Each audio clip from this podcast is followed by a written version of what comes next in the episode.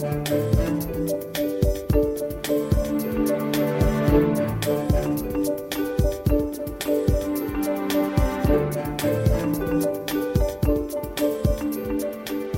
Bodziuk, dzień dobry. To jest program Szczerze o Pieniądzach. W studiu gość Zbigniew Milkiewicz, ekspert rynku metali ziem rzadkich. Dzień dobry. Dzień dobry. Mm, Zastanawiałem się nad tym pierwszym pytaniem, jak e, je sformułować. Widzimy te metale ziem rzadkich. Małe buteleczki chyba podkreślają to, jak one są rzadkie. Proszę mi powiedzieć, metale ziem rzadkich, mówi się o nich coraz częściej w takim kontekście, jak ważne są i jak będą jeszcze e, ważne. Zatem moje pytanie sprowadza się do tego, czy one naprawdę są tak cenne, jak niektórzy mówią? Zdecydowanie. Odpowiedź jest pozytywna. Metale ziem rzadkie, jak nazwa wskazuje, są rzadkie, aczkolwiek definicja ich rzadkości może nie polega na tym, że rzadko występują, tylko są bardzo rozproszone. Stąd pochodzi nazwa tych 17 metali, które w grupie około 30 nazywamy metalami strategicznymi lub krytycznymi. E, Człowiek żyje z metalami od tysięcy lat. E, Rewolucja przemysłowa 150 lat temu opierała się na zdobyczach hutnictwa. Ten, kto miał huty i potrafił zbudować czy lokomotywy, czy tory kolejowe, wygrywał. E, Unia Dzisiaj Europejska. wygrywają ci, którzy mają metale ziem Unia Europejska pierwszą swoją nazwę, jeśli tak możemy powiedzieć, miała wspólnota węgla i stali, więc znowu odniesienie do metali i rzeczywiście te metale są wśród nas. Natomiast dzisiejsze czasy, ostatnie 20 lat, zdecydowanie nazwałbym rewolucją technologiczną. E, My żyjemy na innym poziomie cywilizacyjnym niż nasi rodzice. To, to, co mamy dostępne w kwestii elektroniki, elektromobilności, zielonej energii, to jest coś, czego po prostu wcześniej nie było. I te technologie są właśnie możliwe dzięki metalom krytycznym, w tym w głównej mierze dzięki metalom ziem rzadkich. One nas otaczają, a my sobie nie zdajemy z tego sprawy? One nas otaczają w skorupie ziemskiej, Ale w sensie wykorzystania? tak, a, a jednocześnie otaczają nas. E, tak jak powiedziałem, są to metale, które zyskały na znaczeniu. Są to często metale, które odkryliśmy nie tak dawno. Nie porównujmy tego do miedzi czy złota, które towarzyszy nam od tysięcy lat, ale mówię o 20, 50, 80 latach, a badania nad ich zastosowaniami były prowadzone w ostatnich 20-30 latach. Przykład metalu takiego jak gal, naukowcy ze Stanów Zjednoczonych zdobyli e, Nagrodę Nobla w 2014 roku dzięki odkryciu nowego zastosowania dla galu, a mianowicie dla niebieskiego lasera. I gdybym miał powiedzieć w taki najprostszy sposób, no, nowoczesny człowiek, cokolwiek to znaczy, siedzimy w samolocie, za chwilę, za chwilę jest odlot, patrzymy jeszcze na nasz smartfon, zwykle tak jest, będziemy za chwilę odcięci od zasięgu. I, i ktoś, kto zna się na metalach ziem rzadkich, na metalach strategicznych, powiedziałby tak: Aha, patrzymy na lewo, a tam ren, bo nowoczesne turbiny samolotowe nie funkcjonowałyby bez domieszki do stopu renu. Ja 20 lat temu latałem o wiele mniej, więc zapotrzebowanie na ten metal było odpowiednio mniejsze. Przed czasem COVID-u podróżowaliśmy bardzo dużo i branża lotnicza miała ogromną produkcję i, i, i- i od- odbywało się bardzo wiele, wiele lotów. Kiedy spojrzymy na nasz smartfon, no widzimy smartfon, ale w środku jest bateria litowo-jonowa, nazywana litową, aczkolwiek litu w środku jest zaledwie 3-4%. 20 lat temu te baterie były wprowadzane, a 25 lat temu nie funkcjonowały. Używaliśmy innych niklowych baterii, które miały o wiele mniejszą pojemność i miały tak zwany efekt pamięci. Lit sprawił, że posunęliśmy technologię gromadzenia energii bardzo do przodu. Ale jeszcze proszę mi pozwolić powiedzieć co najmniej o dwóch lub trzech pierwiastkach, z którymi mamy do czynienia siedząc w tym naszym samolocie, bo światło nad nami, jeśli jest LEDowe, funkcjonuje tylko dzięki zastosowaniu galu, a nasz ekran jest dotykowy dzięki cienkiej powłoce indu. Tak naprawdę jest to tlenek indowo-cynowy, gdzie indu jest ponad 70% i tylko dzięki tej technologii mamy ekrany dotykowe, których, tak jak wspomniałem, 25 lat temu nie mieliśmy. Stąd mówię o pewnej rewolucji technologicznej i o tym, że te metale są dosłownie wokół nas. To skoro wspomniał Pan o licie, to zna Pan taki cytat? Lit i metale ziem rzadkich wkrótce będą cenniejsze niż ropa i gaz. Tak, słyszałem. To są słowa Ursuli von der Leyen ze słynnego przemówienia z września, kiedy zdawała raport na, e, na temat stanu Unii Europejskiej. Oczywiście mówiliśmy głównie o energetyce, natomiast sytuacja z lutego tego roku e, pokazała nam, jak szybko e, geopolitycznie sprawy związane z surowcami, z dostępem do surowców mogą się zmienić. I dzisiaj prawdą jest, że ponad 90% metali ziem rzadkich jest wydobywanych w Chinach. Nasza zależność w Unii Europejskiej, europejska zależność od Chin jest przeogromna. Stąd słuszne wskazanie przewodniczącej, że za kilka lat, jeśli będziemy mieli problem z dostawami, to nasza gospodarka i rozwój technologiczny może stanąć w miejscu. A czy to nie jest, nie wiem, czy nie zbyt mocnego słowa użyję, ale to, czy to nie jest katastrofalna sytuacja, jeżeli cały świat i wszystkie nowe technologie uzależnione są od wydobycia generalnie w jednym miejscu? Mhm. Użył Pan ciekawego słowa, którego nie uważam za zbyt mocne. Świat idzie do przodu, a czasem idzie bardzo szybko do przodu. Lit, który nie był aż tak popularny 20 lat temu, nie miał tak wielu zastosowań. Dzisiaj, jeśli w, w, w e, bateriach elektrycznych montowanych w samochodach elektrycznych tego litu jest 3-4%, a taka bateria może ważyć kilkadziesiąt, a nawet kilkaset kilogramów, przemnażając to przez liczbę dziesiątek milionów samochodów, które sprzedajemy rocznie, sprawia, że nagle zapotrzebowanie na ten metal rośnie i możemy mieć uzasadnione obawy o dostęp do niego. Drugim przykładem bardzo podobnym jest kobalt, który również mhm. znajdujemy w akumulatorach, w bateriach samochodowych, a 70% kobaltu wytwarza jeden kraj Kongo. I jeśli my nie znajdziemy alternatywnych rozwiązań, to będziemy mieli gigantyczny problem. Wie pan, pytam o to, bo tak mi się przypomniało, jak parę tygodni temu e, kraje OPEC zdecydowały, że ograniczają wydobycie ropy i, i wiemy, co się działo tak. z, cenami ropy, z cenami ropy. Stany Zjednoczone uwalniały swoje rezerwy, żeby ustabilizować ceny.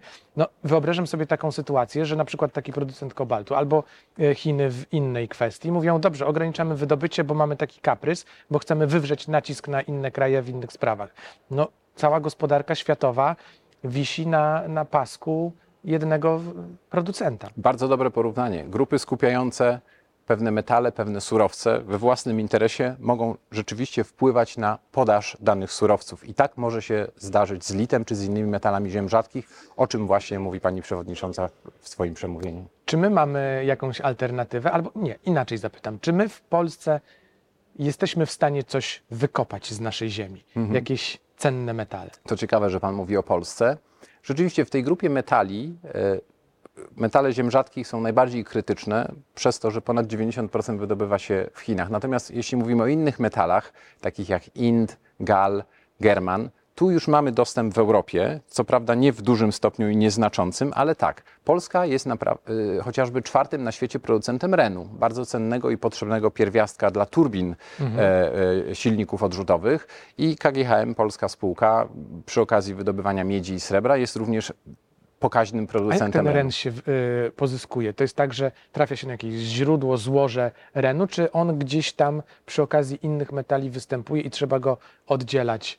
E, raczej to drugie. Te metale, czy ziem rzadkich, czy ren, który do ziem mhm. rzadkich nie należy, ale jest metalem krytycznym, mają to do siebie, że nie lubią się koncentrować. Także zawsze, zawsze są wydobywane wraz z innymi metalami. Czyli na Często taki ren nie trafimy jak na węgiel. Nie, nie trafimy jak na węgiel, nie trafimy jak na złoto, czy na palat, czy na inne platynowce, które lubią się koncentrować. W tym przypadku mamy rozproszone i mamy e, e, złoża, a mamy wydobycie zawsze z, powiązane z innymi metalami.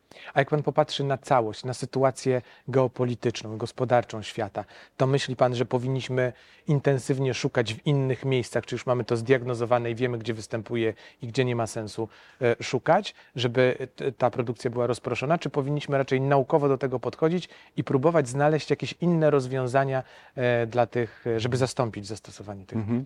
Myślę, że w, w, przypadku zdania sobie sprawy, że mamy do czynienia z, z, z katastrofą, o czym o, takiego słowa pan użył, a na pewno z krytycznymi metalami, wszystkie ręce na no tak, pokład. Bo jak sobie myślę, mhm. że za chwilę mamy jeździć wszyscy elektrykami, no to zapotrzebowanie i wszyscy będziemy mieli coraz więcej ekranów dotykowych i innych tego typu rzeczy, no to my będziemy skokowo e, zwiększać wykorzystanie tych tak. metali. Ursula von der Leyen w swoim przemówieniu mówi o pięciokrotnym wzroście zapotrzebowania na metale ziem rzadkich do roku 2030. Posiadam inne badania, które mówią o wzroście zapotrzebowania na TERP lub dyspros o 180 w ciągu dwóch lat. Także aby zapobiec y, problemom czy zbliżającej się katastrofie, na pewno możemy zastosować kilka rozwiązań. Pierwszym z nich jest na pewno y, oszczędność. Drugim z nich jest y, recykling. Unia Europejska dzięki rozwojowi, którego teraz doświadczamy, będzie pionierem, jeśli chodzi na przykład o energetykę odnawialną i prawdopodobnie elektromobilność na świecie, a to sprawia, że będziemy bardziej zaawansowani w tych technologiach i choć zapotrzebowanie będzie rosło, będziemy lepiej wiedzieli, jak z tym postępować. Także powtarzam, recykling, czyli odzyskiwanie tego w kraju, czy w Unii Europejskiej jest zasadne, poszukiwanie nowych złóż i na koniec jeszcze dodam o czym też możemy przeczytać w przemówieniu, do którego się odnosimy, e, Unia Europejska już zawiera nowe sojusze i to nie w kierunku wschodnim, ale bardziej Ameryki Południowej czy Kanady, żeby zapewnić dostęp dla przemysłu do metali ziem rzadkich i innych metali strategicznych. W dzisiejszych czasach chyba recykling to jest e, rzecz, na którą powinniśmy stawiać. Nie tylko dlatego, że mamy dbać o- o klimat, no ale jak już raz wydobyte, użyte i wyrzucone, no to może spróbować jeszcze raz. Przecież tych elektrośmieci my produkujemy mnóstwo. Ale zastanawiam się nad tym, czy nasza technologia jest już tak posunięta do przodu, że my w zasadzie jesteśmy w stanie odzyskiwać te metale, czy to jest tak drogie, że póki co się nie opłaca? Y, Nie ma jednoznacznej odpowiedzi na to. Po pierwsze, w recyklingu w Unii Europejskiej jesteśmy zdecydowanie mistrzami świata. Od kilkudziesięciu lat potrafimy ładnie to zbierać. Mamy stosowne ustawy, które obligują czy to konsumentów, czy producentów, importerów do odbierania przeróżnych odpadów, bo mówimy o bateriach, mówimy o elektronice, o czym Pan wspomniał, o oponach.